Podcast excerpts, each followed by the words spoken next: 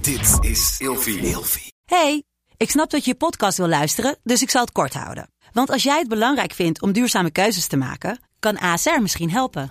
Nou hoor ik je denken, hoe dan?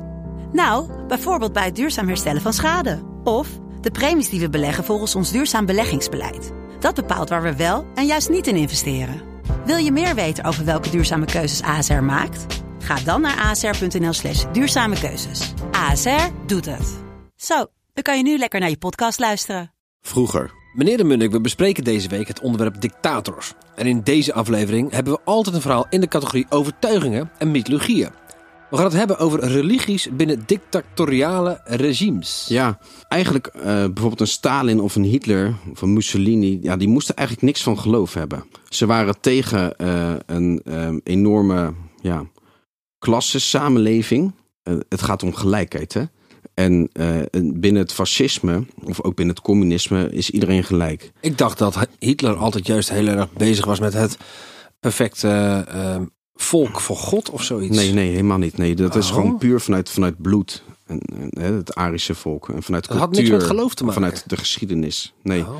Maar Hitler die zei zelfs van als je in het allerkleinste dorp een, een telescoop zet, eh, dus als je dus het heelal gaat her- eh, ja, zien en noem maar op, dan kom je erachter dat er dus geen God is. Nou, of je kan het hem niet zien. Nee, maar dan Natuurlijk krijg je, idioot om an, te krijg je denken dat andere je- ideeën. God kan zien met een telescoop. Maar luister, in die tijd was iedereen nog wel redelijk gelovig. Ja. ja.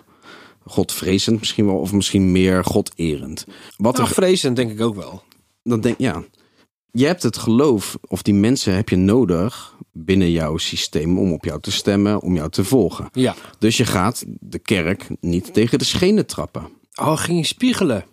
Beetje NLP-achtig. Pappen en nat houden. Oh, wat een slimme absolu- vogel. Absoluut. Dus eigenlijk hebben alle dictatoren, om het zo maar te zeggen, die hebben dus de kerk enigszins geadopteerd en geprobeerd in hun visie, in hun systeem eh, ja, mee te nemen.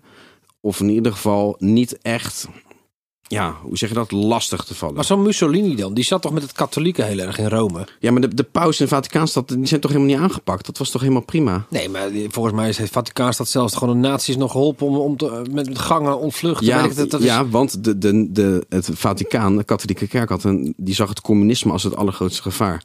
En de nazi's die vochten knetterhard tegen de communisten. Is, ja, Ja, ehm, de communisten die waren dus ook al, al bezig om het katholieke, de katholieke kerk te zuiveren in, in hun gebied.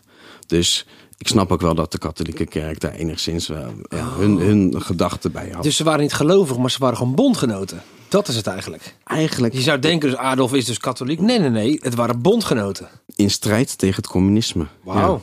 Ja. ja, la- het schijnt dus echt dat ehm, het Vaticaan, ja, ratlijnen noemen ze dat. Eh, dat wordt het netwerk die spinnen, wordt het genoemd. Waarbij ze nazi's na de oorlog lieten vluchten Ja, naar, 100%. naar Argentinië, weet je, naar Zuid-Amerika. Ja, ja, ja. Eh, er zijn zelfs in, in Spanje was er gewoon een klooster wat een soort doorvoerpunt was. Niet normaal. Ja. Tot morgen. Vroeger.